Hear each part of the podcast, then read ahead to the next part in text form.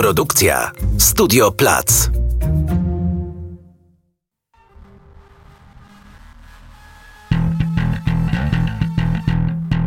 Nazywam się Barbara Klicka, a to jest podcast dwutygodnika magazynu o kulturze. Dzień dobry. Dzisiaj nadajemy ze studia. Bardzo się cieszę, że będzie nas trochę lepiej słychać. Z radością e, informuję, że dzisiaj punktem wejścia do naszej rozmowy stał się tekst Marty Mandejskiej pod tytułem Fantomowe ciało klasy ludowej.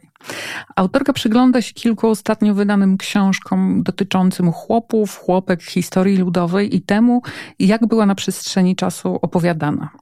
O tym, czego nowego o naszym dziedzictwie dowiadujemy się z omawianych przez Madejską pozycji, jak kultura ludowa opowiada się przez nas na nowo i czego po, poza dostępem do samych faktów wymaga jej zrozumienie. Wreszcie o tym, w jaki sposób da się wyjść poza, jak pisze autorka tekstu, dychotomię wstydu i aspiracji. Porozmawiam dziś z autorką tego tekstu, Martą Mandejską, łodzianką z wyboru, archiwistką społeczną, kwerędzistką, uwielbiam to słowo, e, autorką książki Aleja Włókniarek, współautorką i redaktorką książek Wielki Przemysł, Wielka Cisza, Łódzkie Zakłady Przemysłowe 1945-2000 i proszę mówić dalej, historia społeczna Muzeum Sztuki w Łodzi. E, cześć Marto. Dzień dobry. I moją drugą rozmówczynią będzie Antonina Tosiek, autorka książki poetyckiej Storytelling, badaczka dwudziestowiecznej diarystyki ludowej, prowadząca na łamach czasu kultury autorski cykl o pamiętnikach chłopskich. Dzień dobry, cześć. No to zacznijmy od samych podstaw. Jaką definicją kultury ludowej wy się posługujecie? Posługujecie się w ogóle jakoś? Ja się nie posługuję definicjami, e, bo odeszłam z tego pola, które posługuje się definicjami w ogóle w atmosferze, mm, no może nie skandalu, ale takiego um, um, porzucania, takiego, takiego, takiego rzuca, rzucania, rzucania tym, e, tym światem, w którym trzeba definiować i w którym, i w którym e, są pewne ramy metodologiczne, których trzeba się trzymać, to nie znaczy, że ja tego nie szanuję, jak najbardziej szanuję, że to trzeba robić, po prostu to, e, to nie jest dla mnie. Oczywiście, kiedy piszę takie teksty, to, to kieruję się takimi między, mniej więcej definicjami, jakie przywołuje Rauscher w swojej książce o ludowym antyklerykalizmie, gdzie, gdzie ten lud jest definiowany przez skrzyżowanie różnych czynników związanych e, z pracą, z, z, z taką kulturą wypoczynku, ze stylami życia i tak dalej. Ale przyznam, że nawet w tym momencie, jak to mówię, to zaraz czuję po prostu tych opresję tych metodologii, które, które porzuciłam i które mnie gdzieś tam uwierają i... Sprawiłam, że cię dopadły. No nie, nie, y, no dobrze, teraz jąkam się okropnie, co najlepiej pokazuje, że ja po prostu nie definiuję. Y, sama, kiedy pracuję, pracuję przede wszystkim z takimi materiałami dotyczącymi XIX i XX wieku, gdzie ta kultura ludowa jest dosyć łatwa do zdefiniowania, bo ona po prostu była w takim rażącym oddzieleniu i odróżnieniu y, ze względu na wszelkie praktyki życia, spędzania czasu wolnego, przede wszystkim pracy i mieszkania od kultury na przykład mieszczańskiej czy folwarcznej, czy folwarcznej takiej pańskiej. E, więc, więc to jest dla mnie proste jako kwerędzistki, bo po prostu wtedy te podziały były naprawdę dosyć mocne. E, kiedy mówimy o kulturze ludowej dzisiaj, tak jak Rauscher robi to tak super przekrojowo, idąc właśnie aż, aż po, po dzisiejsze memy niemalże, no to wszystko się komplikuje, bo my jesteśmy dzisiaj już w takim zupełnie innej sytuacji, w zupełnie innym trybie pomieszania, tak bym powiedziała. Antonino? Do mnie jest tak trochę niezręcznie, bo ja jestem z zupełnie innej perspektywy i z zupełnie innego ukorzenienia. To znaczy, ja również czuję opresję metodologii, ale mm, tak jak y, ja próbuję jej uciec, tak ona mi uciec nie daje i mnie trzyma bardzo mocno przy sobie i w ryzach i lejcami. Haha. Um, Rzeczywiście, haha. Haha, no właśnie. Um, bardzo się cieszę, że, e, że jako pierwszego Marto wywołałaś właśnie Rauschera, dlatego że moim zdaniem to, jak on uruchamia um, perspektywę ludową, znaczy w ogóle lud to jest straszne słowo, straszne słowo tak. wytrych, tak. z którym mamy olbrzymi problem i z którym zresztą e, mają problem absolutnie wszystkie osoby zajmujące się tym tematem i próbujące jakoś mm, ten, ten dziwny mm, symbol, to słowo jakoś zdyskursywizować i coś tam z nim począć. Mnie się bardzo podoba, w jaką stronę idzie z tym, z tym Rauscher od zawsze, już od tych jego pierwszych um, E, pierwszych i tekstów, i książek, bo przecież i książek naukowych, i książek bardziej popularyzatorskich y, w bankartach pańszczyzny. On zresztą sobie radzi z klasą w niesamowity sposób, bo idzie po, e, po taką e, definicję Karla Polaniego, która jest pozaekonomiczna, znaczy, która jest i ekonomiczna, i społeczna, i kulturowa, i sobie to wszystko łączy i zaczyna trochę uciekać z takich bardzo wąskich, mm, bardzo wąskich ram, które, które nauczyły nas myśleć o ludzie i o kulturze ludowej przez wiek XX i przez to w jakiś taki post marksistowski sposób sobie klasy społeczne na przykład jeszcze dzisiaj, do dzisiaj w Polsce wyobrażamy. To czy dzisiaj jesteśmy przynależący do klasy, czy nie klasy, to jest jakby zupełnie inny, inny rodzaj dyskusji, ale ja nie uważam, żeby istniało coś takiego jak kultura ludowa dzisiaj. Mm -hmm. I mhm. myślę, że w późnym kapitalizmie, w tej części świata to trochę niemożliwe, żeby, żeby taka struktura funkcjonowała. E, pewnie funkcjonowała jak i, jako jakiś rodzaj i wyobrażenia o świecie, i wyobrażenia o świecie, który ma wyobrażenia o świecie e, jeszcze kilkadziesiąt lat temu. E, nie myślę o tych wszystkich utyskiwaniach Wiesława Myśliwskiego, na przykład, że jest kres i że było jakieś symboliczne wyobrażenie mitologii ludowej, była jakaś boskość na przykład, czy tam tego typu inne rzeczy, a teraz już tego nie ma, no bo, no bo na przykład zostało wytracone albo ukradzione. Um, uzurpowane, może to bardziej, bo przecież dzisiaj większość rzeczy, które starają się ubrać za kulturę ludową, są po prostu jakimś produktem, jakimś wytworem, czymś, co ma grać na jakimś i sentymencie, i resentymencie zarazem. O tym Marta też pisze w swoim tekście. Ale dzisiaj wydaje mi się, że kultury ludowej i ludu jako taki, znaczy lud, to byśmy sobie musiały pewnie porozpisywać i porozgadywać, ale nie uważam, żeby kultura ludowa dzisiaj y, była, a jeżeli jest, to niedobrze. Y, to ja jednak teraz, jak trochę mówiłaś, to miałam mało epifanii krędzistki, bo y, za każdym razem, kiedy teraz jest cały ten rozruch i bardzo dużo dyskusji wokół tych tematów, Przypominam sobie, że kiedy zaczynałam pisać Aleje Włókniarek, kiedy zaczynałam jeszcze wcześniej zbierać historie mówione w Łodzi, to ja w ogóle mm, nie, nie, wtedy nie było tej, tej mody, nie wiem, czy możemy to nazwać, na obrabianie te, te, tego przez wszystkie. Na to, do tego tematu na pewno wrócimy. E, mimo, że już wtedy było mnóstwo świetnych książek, o których dzisiaj się nie mówi, e, które, które jak najbardziej dotyczą tych różnych tematów, chociaż ówcześnie przede wszystkim rzeczywiście gdzieś tam e, ja czytałam te o proletariacie miejskim. Ja się natomiast zajmowałam kulturą ludzi pracy fizycznej, ludzi pracujących fizycznie, to przede wszystkim. E, cofając się nawet dalej niż ten XIX i XX wiek. I e, rozumiejąc również pracę troski jako pracę fizyczną, e, wykonywaną bezpośrednio. I kulturą, którą ci ludzie wytwarzali, a która ze względu na specyfikę ich pracy i życia oraz ze względu na ich możliwości i umiejętności, jakie im oferowało społeczeństwo, bardzo często nie została utrwalona w sposób pisany. Więc to jest kultura, o której bardzo często mówi się, że jej nie ma.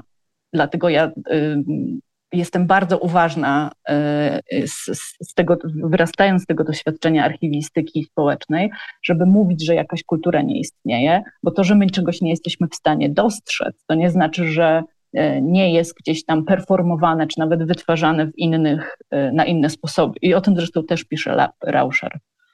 O takim momentem, y, który wydaje mi się, że jest jakoś symbolicznie w całej tej dyskusji istotny, to jest ten brak opracowania kultury ludowej, który teraz zaczął na szczęście Rauscher obejmować, ale no chyba nie bez powodu na przykład e, ludowa historia mm, Leszczyńskiego kończy się na tym 89 mhm. roku, on już tam dalej tego kroku kolejnego nie robi.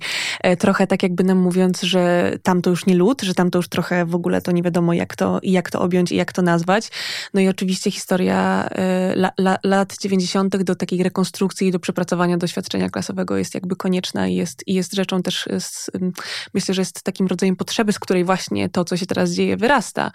Um, ale jakiś zapis tego doświadczenia, to absolutnie przyznając, y, przyznając rację Marcie, no właśnie funkcjonuje gdzieś chyba trochę w innych miejscach i w innego rodzaju kodach niż te, do których jesteśmy mm, przyzwyczajeni jako czy reprezentanci, czy jakoś uczestnicy, czy ci, którzy zostali włączeni w jakiś tam nurt kultury dominującej zarysowałyście po prostu granice różnic między wami na wejściu oraz protokół rozbieżności. E, protokół rozbieżności oraz e, jakieś pole, po którym będziemy się teraz próbować poruszać. E, wielostronne, wieloznaczne i nieoczywiste, o czym pewnie warto pamiętać, znaczy z całą pewnością warto pamiętać. Stąd to moje pytanie o definicję na początek. Drugie pytanie, zupełnie jeszcze wstępne. Ty, Marto, przywołujesz tekst Remigiusza Okraski, jego emocjonalnie, ewidentnie nacechowaną e, wypowiedź o tym, że po prostu to jest moda, trend, jakiś w ogóle przymus i obowiązek. No więc mam do Was dwa pytania. Po pierwsze, czy zgadzacie się z tym, że jest taki trend? Czy nazwałybyście to inaczej? Czy e, tę skłonność w ogóle zauważacie. I to jest pierwszy kawałek tego mojego pytania, a drugi, e, drugi dotyczyłby tego, czy miałybyście ochotę też jakoś tak negatywnie na to reagować? Czy wam się to podoba? Czy was to zniechęca? Czy uważacie, że to dobrze? Czy to jest jakaś korzystna e, sytuacja, czy niekorzystna? E, może tym razem zaczniemy od Tosi. Ja trochę rozpoznaję swoje doświadczenie w tym, o czym mówiła Marta, czyli tym, kiedy szukała informacji e, i robiła kwerendę do włókniarek, to jeszcze mm, nie było, nazwijmy to, takiego podniesienia i uniesienia intelektualnego w tęże stronę. E, ja się zajmuję diarystyką ludową i zajmuję się ją od właściwie samego początku studiów i kiedy zaczęłam to eksplorować e, parę lat temu, tak nie wiem, w roku 2015 na przykład, nie miałam praktycznie żadnych polskich źródeł, które by się do tego odnosiły. To znaczy, były na przykład źródła socjologiczne, ale nie było żadnego jakiegoś takiego dyskursu około antropologiczno-kulturowego akurat o tych konkretnych materiałach. No i to jest niesamowite, ile tego się pojawiło przez ostatnie parę lat. Znaczące jest to, że wtedy zadawano mi takie pytania, to czekaj, to chłopi pisali, e, a teraz, kiedy przygotowuję na ten temat książkę, dostaję pytania, a nie sądzisz, że to już jest trochę za dużo i że to już jest, że już trochę są wszyscy zmęczeni? Tylko, że myślę, że to wynika z niewystarczającego i po pierwsze rozeznania gruntu, a po drugie z błędnych strategii rynkowych.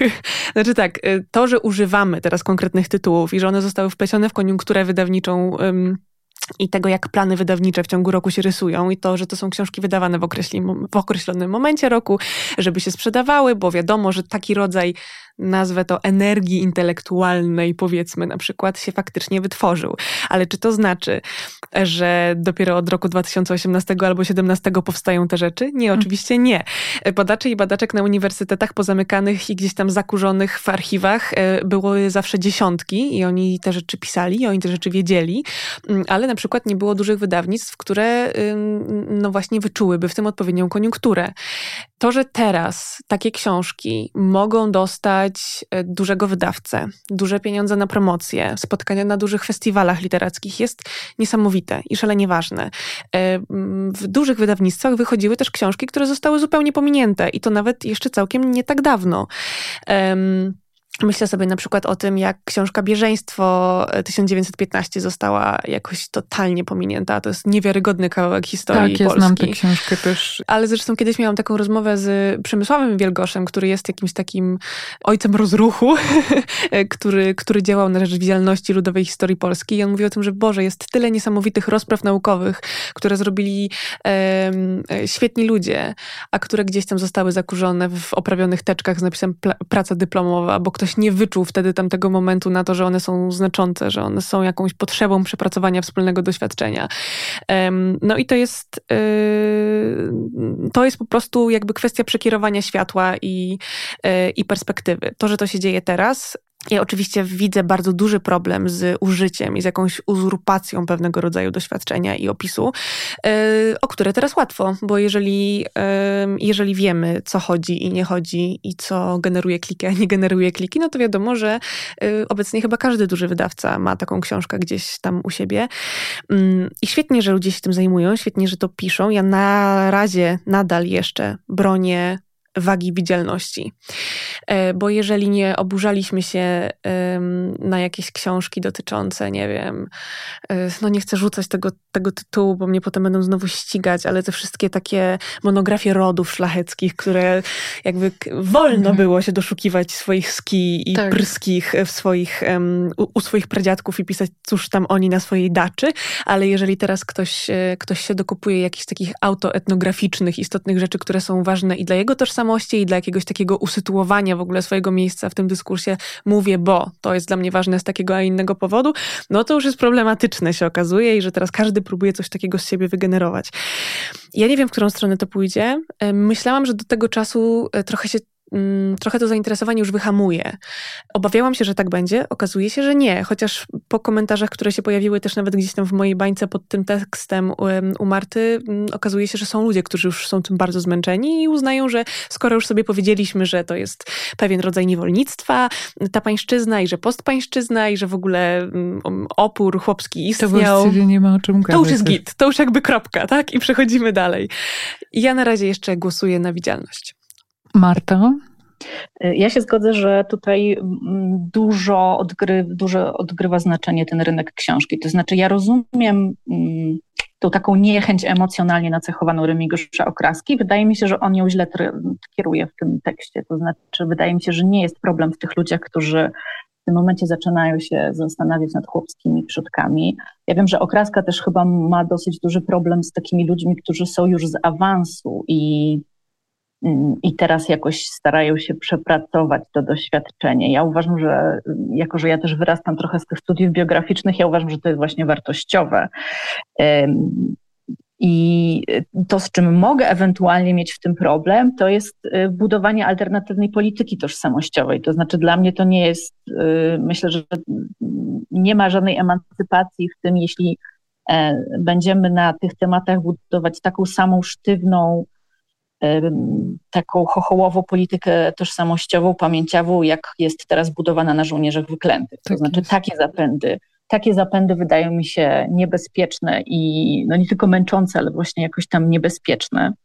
E, cofając się do, mm, do tych e, kwestii nurtu czy mody, to też zgodzę się z przedmówczynią, że jeśli jest tu jakiś nurt, to on wybija z podziemnego źródła. To znaczy naprawdę te tematy wymagają E, naprawdę katorżniczej kwerendy, która trwa przez wiele lat, e, do której brak jest materiałów, trzeba je ścigać i wydłubywać, więc to nie jest tak, że po prostu teraz zrobiła się moda i nagle wszyscy zaczęli gdzieś tam e, trzepać te tematy.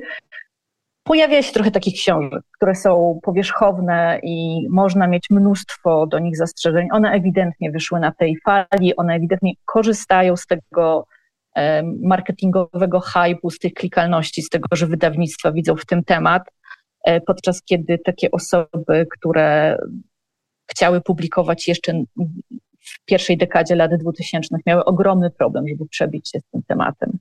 E, ja pamiętam cały szereg no naprawdę kiepskich komentarzy dotyczących tego, że ja się tym zajmuję i kto się w ogóle tym będzie interesował i że włókniarki nie są sexy, a kultura robotnicza jest passé.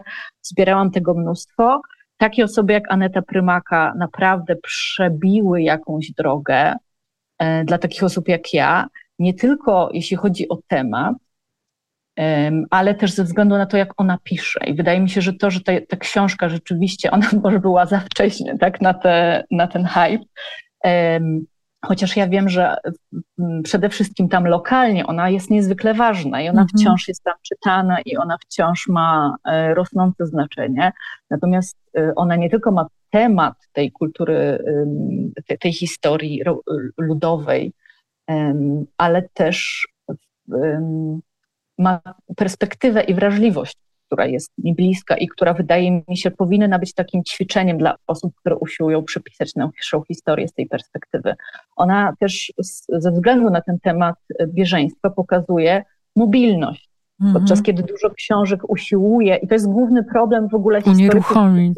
Tak, to jest główny problem historyków, ale też samych etnografów, którzy jednak trochę kumają tą mobilność, ale problem badaczy z kulturą ludową, czy historyczną, czy aktualną jest bardzo często to, że oni usiłują przyszpilić tego motylka, nie? Oni usiłują to unieruchomić. Natomiast to, to zawsze jest e, bardzo bardzo żywotne, ale też bardzo mobilne, bo właściwie um, całe wieki już wstecz ludzie, tacy ludzie albo byli przesuwani siłą, albo byli mobilni własnego wyboru. To znaczy, częścią historii ludowej jest olbrzymia fizyczna, fizyczna mobilność na czasem dużo większych terenach niż w ogóle dzisiaj stereotypowo sobie e, wyobrażamy. Nie?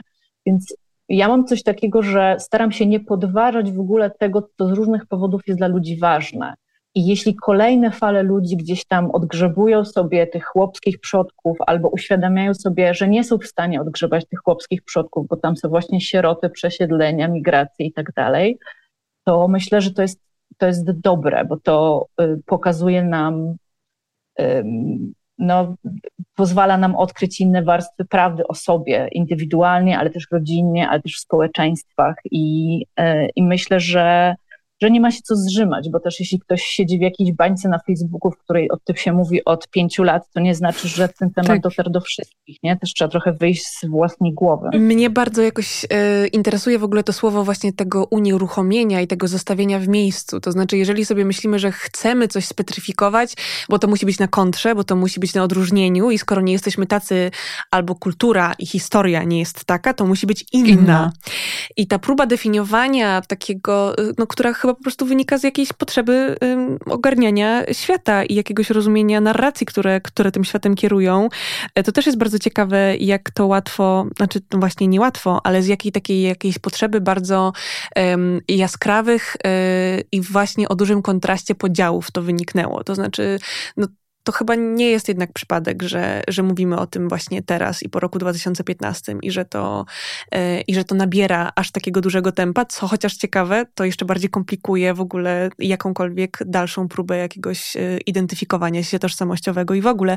Ale chciałam tylko jeszcze dodać jedną rzecz odnośnie yy, tych badań, które, które powstają albo tych, którym ruchliwości wszelakiej, o może tak, to też jest y, strasznie ważne, żeby o tym powiedzieć, że badanie nad ludową historią Polski tak jak, tak jak ją sobie dzisiaj wyobrażamy, to są badania, które w PRL-u e, zostały przerobione przez dziesiątki świetnych kulturoznawców, etnografów, historyczek i historyków, którzy potem zostali wyparci przez schedę po PRL-u i przez to, że, że trochę kultura i nauka stwierdziła, że musi się od tego znów na kontrze e, grubą kreską odciąć, e, a to, co im zawdzięczamy, jest nie do przecenienia. Zgodzę się z, z tą schedą, która została gdzieś wyparta. No no tutaj w Łodzi to są przede wszystkim etnografki z Katedry Łódzkiej, utworzonej w ogóle w 1945 roku.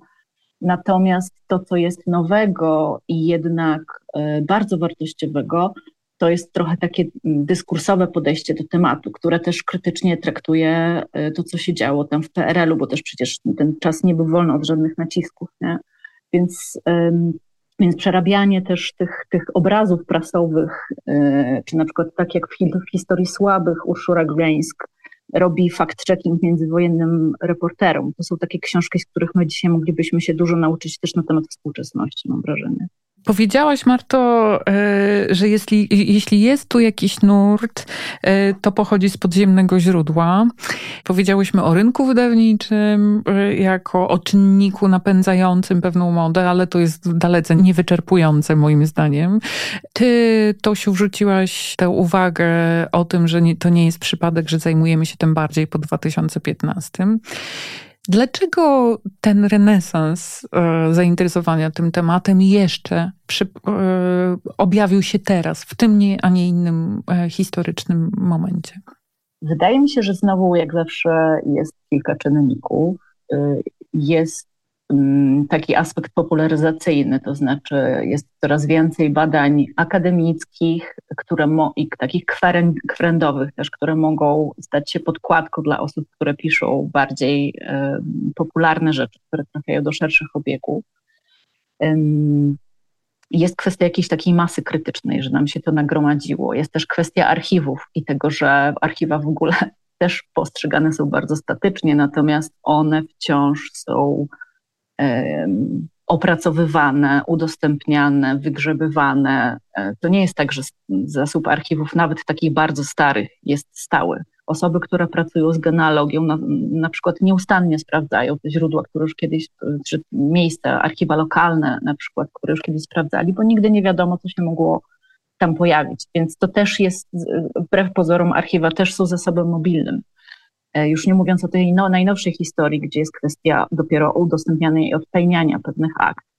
Wydaje mi się natomiast też, że zupełnie nie, nie można podważyć jeszcze takiego czynnika bardzo osobistego, to znaczy bardzo dużo osób w ostatnim czasie poszło na terapię a na terapii nie da się uciec od przepracowywania historii rodzinnej i oczywiście to super interesujące. Można, tak, można, można się zatrzymać na, na poziomie y, charakterów, ale jeśli mamy trochę szersze spojrzenie, zawsze dostrzegamy, że to nie sam charakter wpływał na pewne zachowania rodzinne czy wydarzenia, które się przydarzyły y, na to, że ktoś dziedziczy dług, a ktoś inny zamek. Y, tak. Wpływa bardzo dużo rzeczy i na to, że w danej rodzinie była przemoc fizyczna, w innej rodzinie e, tresowano dzieci do poprawnego jedzenia przy stole, też wypływa z wielu rzeczy. Wydaje mi się, że sporo osób sobie przepra przepracowuje to na tym etapie, a wnioskuję tak,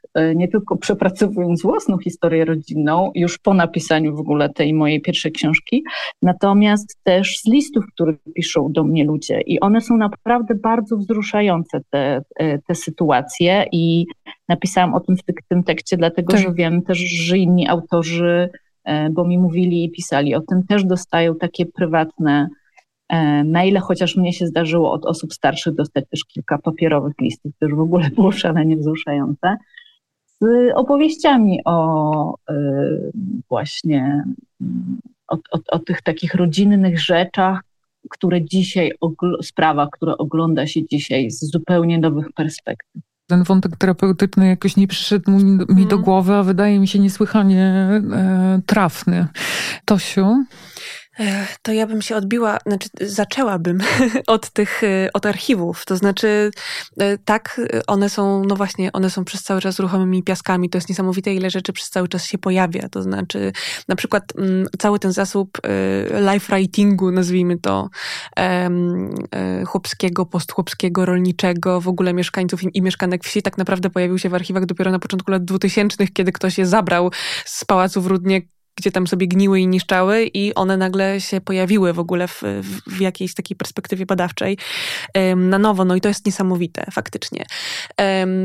Ja jednak trzymam się też tego, w jaki sposób jakaś taka praca na wstydzie, która Y, myślę, że też ciekawie koresponduje z tym takim wątkiem terapeutycznym i taką autoetnograficzną właśnie potrzebą mm -hmm. jakiegoś zrozumienia i, i poukładania sobie siebie, ale też w, właśnie w takim sensie identyfikacji jakiejś szerszej, nie? Czy to, czy to lokalnej, czy to w ogóle narodowej, czy to jakiejś wschodnioeuropejskiej na przykład, zaczynamy sobie wyobrażać jakoś swoje miejsce inaczej po 89 i mm, co, co narysowano i jak to opisano i gdzie postawiono granicę, a gdzie ta granica potem się okazała faktycznie być. To znaczy, no kiedy, kiedy dzisiaj e, mm, się pojawiają wszystkie te takie próby przepracowania doświadczenia lat 90., mhm. e, no 59% mieszkańców i mieszkanek wsi w 94 roku przebywało w sytuacji ubóstwa, nie biedy, ale ubóstwa. Ubóstwa, tak. I nagle sobie myślimy, że aha, ale no dobra, wchodzimy w młody kapitalizm, wchodzimy w neoliberalizm i nagle świat jest inny. No nie jest inny, tak. wiadomo, że nie jest i, e, i że szybko inny nie będzie. Mm, a taka narracja y, neoliberalnego wygrywu, w którą, którą chyba jednak kultura centralna troszkę się dała uwieść i literatura centralna to już w ogóle, mm, no ona po prostu w pewnym momencie musiała wybić. Mm, i myślę, że to jest też właśnie po części, po części efekt takiego nagromadzonego i takiego przez cały czas gdzieś jakoś wrzącego pod powierzchnią e, poczucia niepełnej opowieści, niepełnej mm -hmm. narracji, jakiejś zupełnie fałszywej struktury, w którą zostaliśmy włożeni, która nie jest opisem rzeczywistości i która nie jest ani o nas, ani światem. o nich. No właśnie, tak. tak. Um, a skoro świat jest gdzie indziej, no to gdzie? E, ale to też jest bardzo ciekawe y, i jakoś, jakoś zawsze mnie to zastanawiało, że ta najbardziej spopularyzowana część nurtu, powiedzmy, ona zaczęła dotyczyć tej historii najdawniejszej, to znaczy ona wyszła od doświadczenia pańszczyzny, ona dopiero teraz zaczyna tak. jakoś tak swoje macki e, poza reportażem, bo to, to jest jakby też trochę inna kwestia, nie? Ale, ale mm, to taka etnograficzna, historyczna, socjologiczna, politologiczna e, część tych książek, ona się dopiero przesuwa w tę stronę tak. nowożytności, nowoczesności i postnowoczesności. Ja bardzo na to czekam, aż to się wydarzy, bo to mnie jakoś, to mnie jakoś najbardziej najbardziej ciekawi i jakoś na to wszystko najbardziej czekam, ale wydaje mi się, że to jest też i to jest porów, y, to jakby idzie na drugą nogę trochę z tym, o czym mówiłyśmy o poznawaniu siebie. To jest ten moment, kiedy część osób, które mamy w jakimś swoim najbliższym otoczeniu, które, y, których życie y, odbywało się w innym, totalnie innym momencie historii, oni nikną i zaraz ich mhm. nie będzie albo już ich nie ma. I myślę sobie, że tak. też duża część takiej właśnie pracy na własnej historii też trochę z tego tego wynikała. Ja na przykład właśnie miałam takie doświadczenie, że moja babcia, która zmarła w zeszłym roku w wieku 97 lat, e, to był ostatni moment, żeby, żeby ją poznać od tej strony i żeby zrozumieć jej historię. I wydaje mi się, że to też e, tak jak właśnie rozmawiam z wieloma osobami, które, mm -hmm. które się tym zajmują, że to jest też część ich, ich, doświadczenia i takiej próby złapania, póki jeszcze można i póki jest kogo złapać. Słuchasz podcastu dwutygodnika, magazynu o kulturze. Dobrze, to teraz porozmawiajmy o książkach, o których Marto piszesz w tekście. Bardzo podoba mi się wspaniała formuła, y, którą wyznaczasz na początku tego tekstu, o tym, że będziemy sobie opowiadać o tych książkach i nie musimy się silić na nowy kanon. Bardzo jakoś mnie y, wzruszyła ta adnotacja i jestem za tym, żebyśmy powtórzyły ją trochę w studio. I teraz, może dorzucając trochę kontekstów, może dorzucając to, co nie zmieściło się w tym tekście. Powiedzmy sobie na początek, mm, że piszesz o czterech książkach.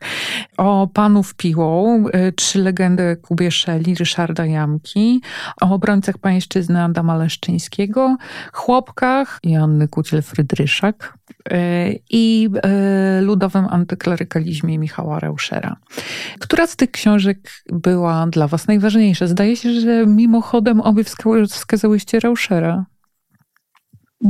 Ja nie wiem, czy Rauscher, mogę powiedzieć, że on był dla mnie najważniejszy, ale na pewno Rauscher porządkuje różne sprawy w taki sposób, który najbardziej do mnie trafia i też mam być może podobną wrażliwość. To znaczy, wydaje mi się, że tak jak to się mówiła już od tych momentów, kiedy on pokazywał na przykład, że, e, że to, że ktoś nie widział buntów chłopskich, to nie znaczy, że ich nie było, po prostu nie umiał ich zinterpretować to jest gdzieś tam to pokazywanie właśnie z innej perspektywy, z tej perspektywy, z której widać właśnie.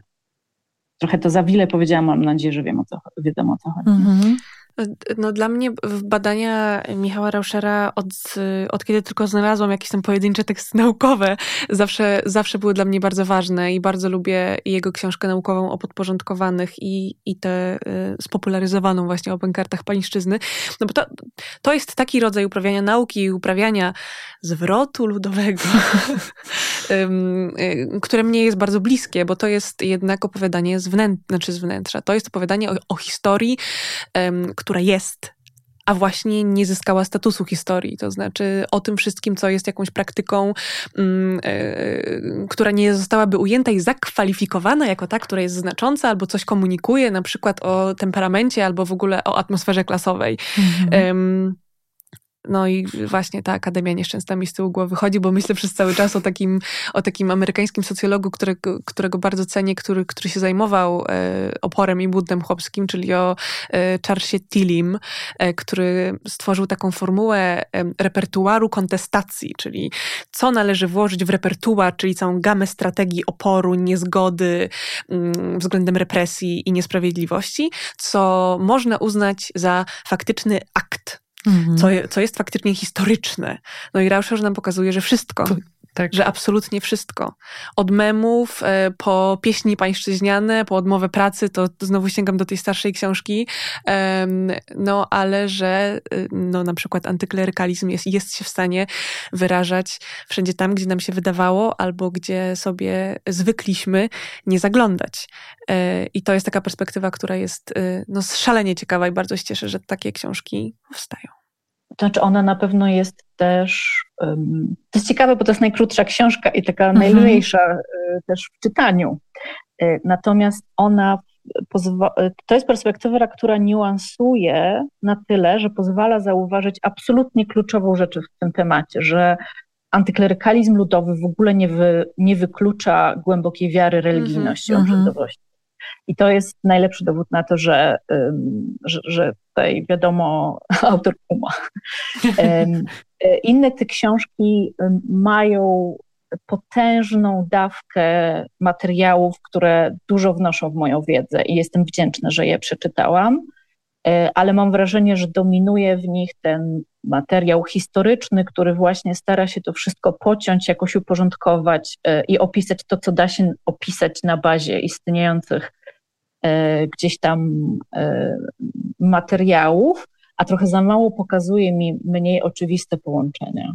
To znaczy, mnie w tej książce mm, i w ogóle w takiej perspektywie, której reprezentantem jest Michał Rauscher, mnie, mnie ciekawi mm, to, że mamy trochę problem z takim fetyszem oporu właśnie. To znaczy, historia ludowa jest znacząca, tak. kiedy się sprzeciwia, e, kiedy pokazuje swoją osobność. Nie kiedy jest o życiu, to jest też trochę to, o czym zresztą w swoim tekście pisałaś o, o Kuciel Frydryszek i o tym, w jaki sposób się dzieli kobiecość a męskość, no, że one tak. są, no bo mają ciała.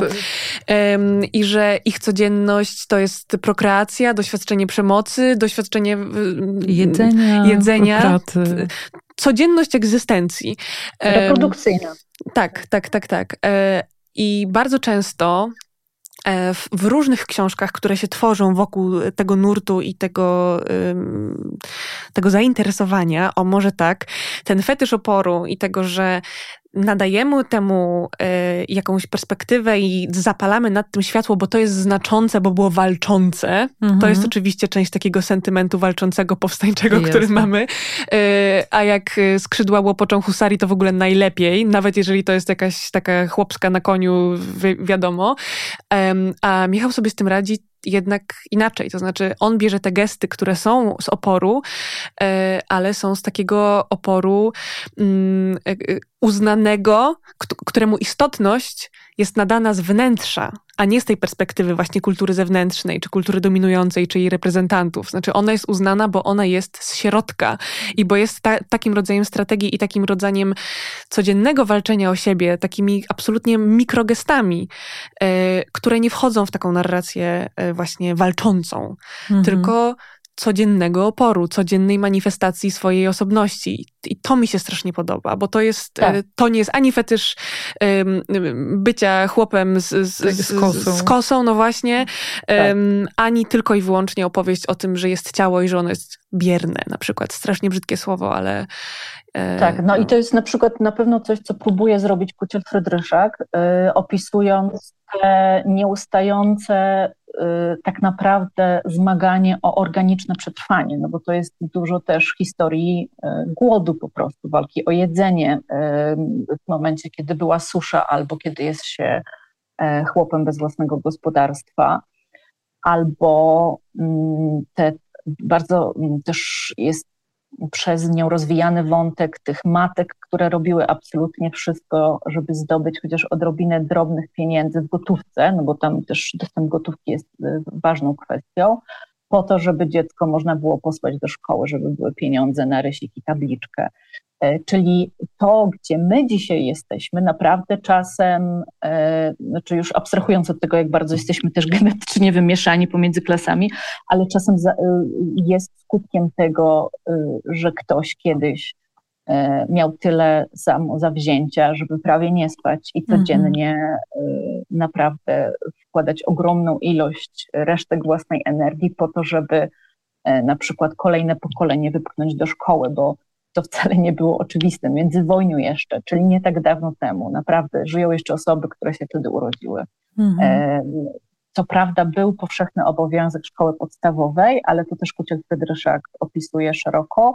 On bardzo często był, bardzo często można było łatwo zwolnić kogoś z tego obowiązku, pisząc, pisząc podanie o tym, że szkoła jest za daleko lub że ktoś musi iść do pracy, zająć się młodszym rodzeństwem, coś takiego. I one były akceptowane. Mnóstwo, przede wszystkim dziewczyn, było po prostu zwalniane oficjalnie z tego, e, z tego obowiązku szkolnego.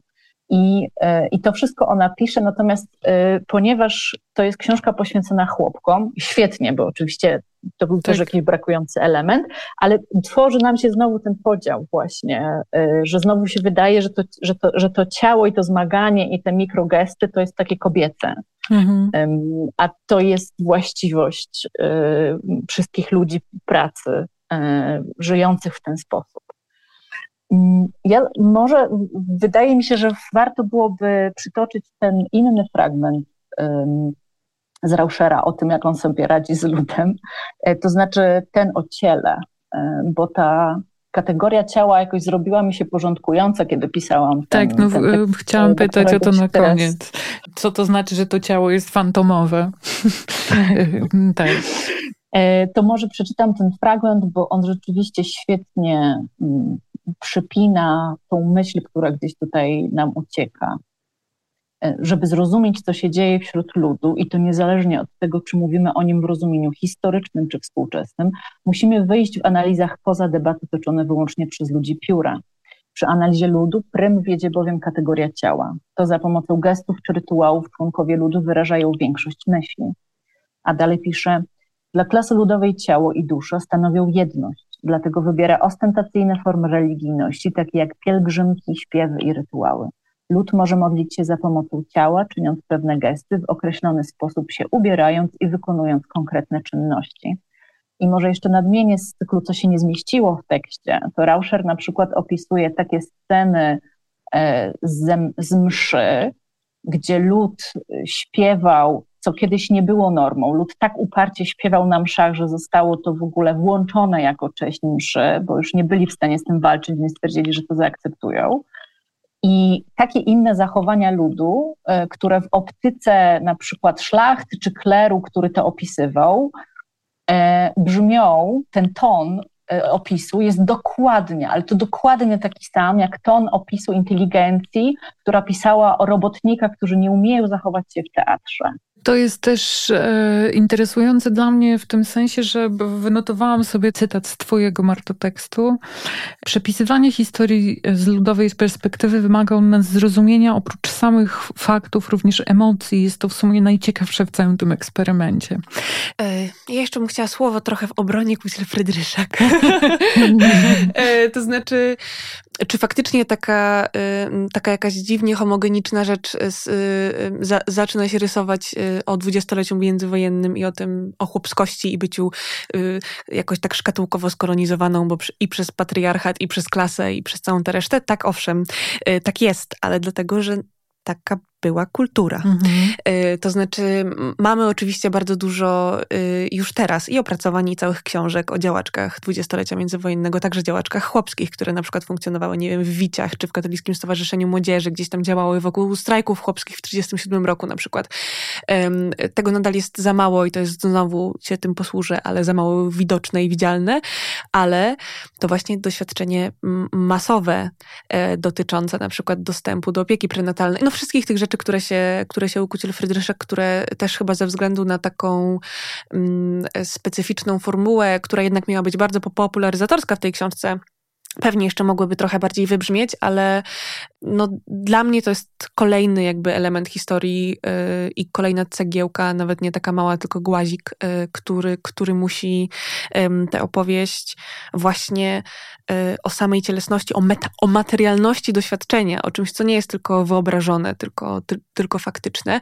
Y, czy to jest doświadczenie wszystkich ludzi pracy? Tak, oczywiście, ale jednak kiedy poczytamy sobie te bezpośrednie doświadczenia, y, świadectwa powiedzmy kobiet wiejskich z lat, z lat 20. i 30., no to ta linia demarkacyjna, gdzie jest y, mój element świata, gdzie jest twój element świata, niestety jest y, radykalna bardzo.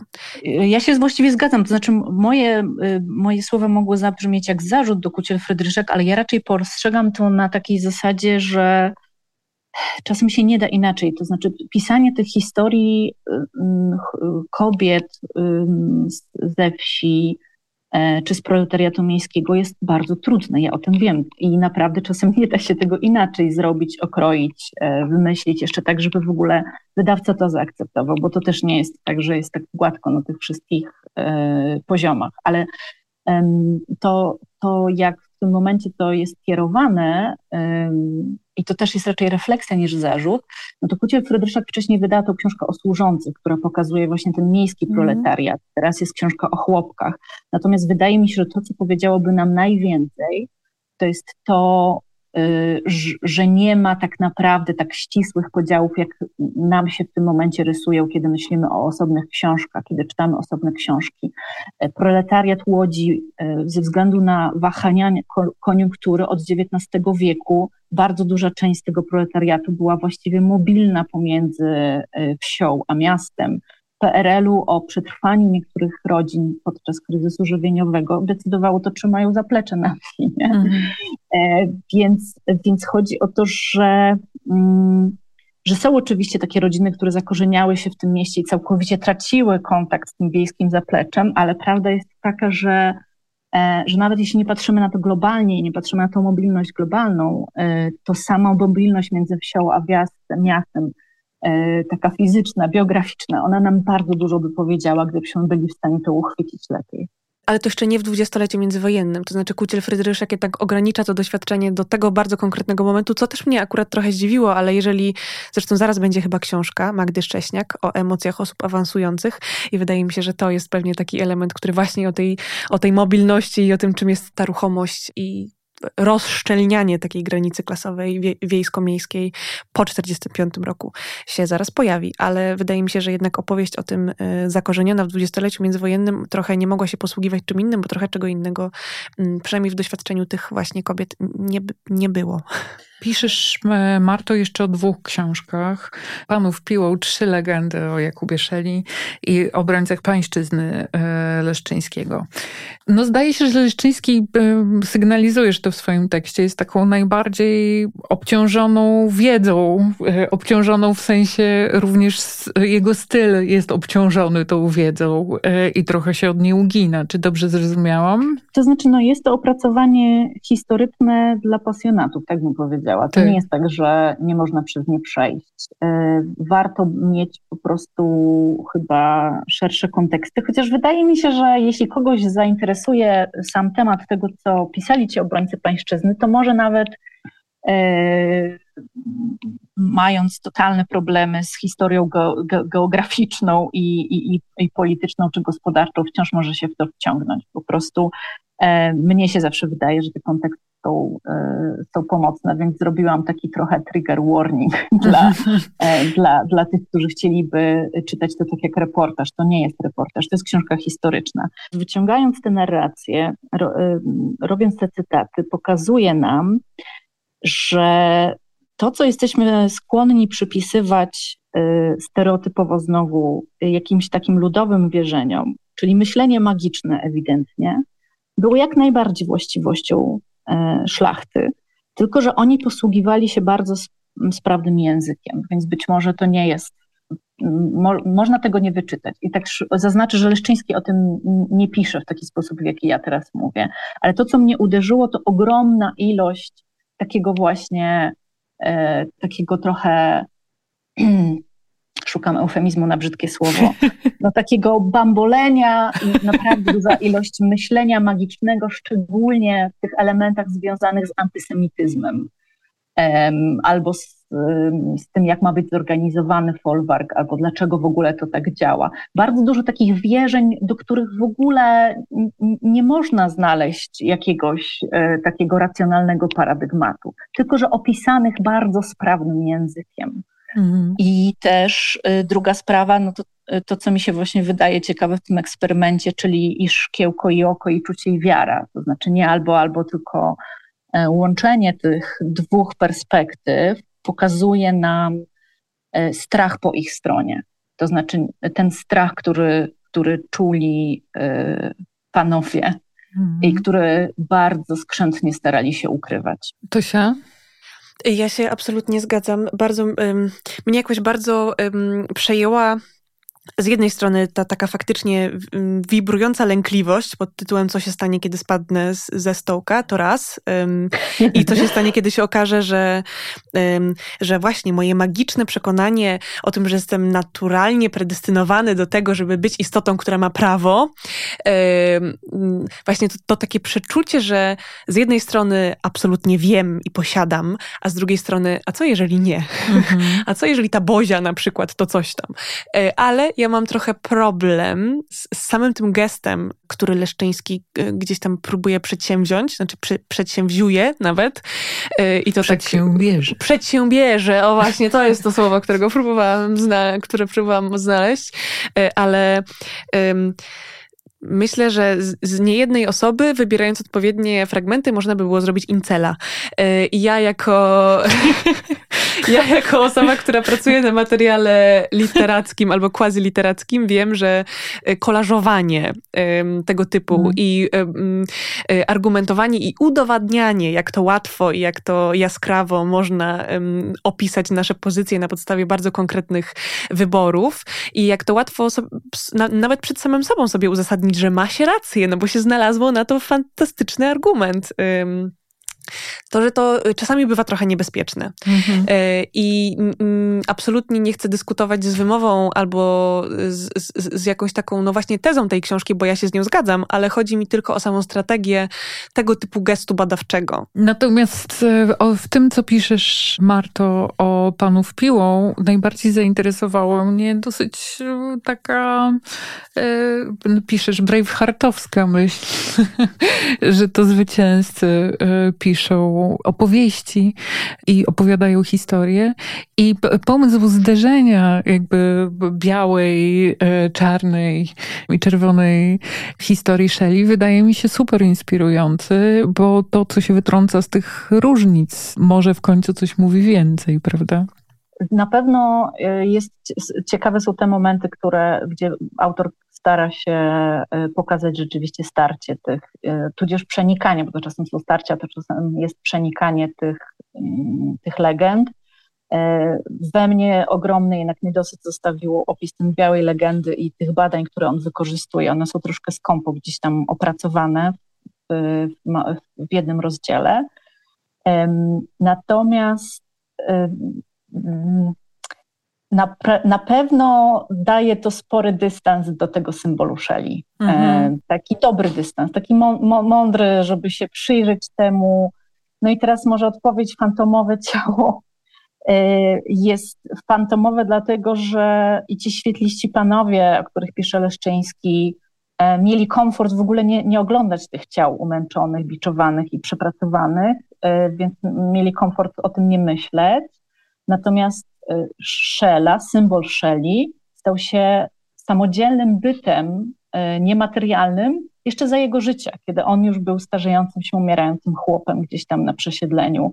E, I to też wydaje mi się niezwykle ciekawe i gdzieś tam symptomatyczne w całej tej historii, w której niby się staramy to ciało przywracać, ale ono nieustannie um, się wymyka, bo, bo to jest, bo język ma swoje ograniczenia. To wspaniałe, że odpowiedziałaś na pytanie, o którym mówiłam, że je zadam e, jakieś 15 minut temu. E, postaram się tego nie wykasować.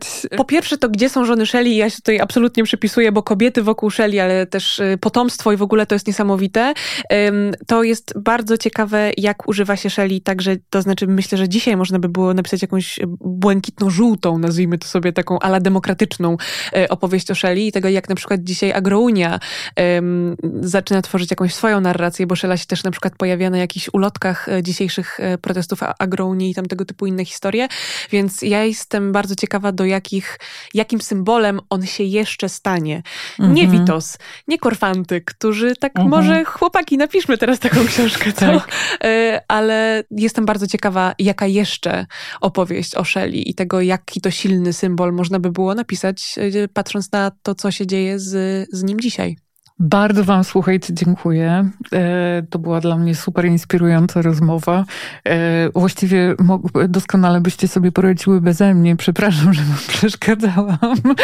Nie, no, ale ja tylko że przerywałam, ale to jest ten moment, kiedy człowiek chce powiedzieć absolutnie wszystko, tak co jest. ma w głowie naraz. To jest straszne. Bardzo Wam dziękuję za tę rozmowę. E, Marta Madejska, do widzenia. Do widzenia. I Antonina Tosiek, zwana Cześć. przeze mnie e, lekko naduży e, Tosią przez połowę spotkania, za co bardzo przepraszam Nią właśnie jestem. E, dzięki Ci bardzo. Dzięki. To był podcast dwutygodnika magazynu o kulturze. Prowadziła Barbara Klicka. Dżingiel Małgorzata Tekla-Tekiel. Dwutygodnik jest wydawany przez Dom Spotkań z Historią, Instytucję Kultury Miasta Stołecznego Warszawy. Produkcja Studio Plac.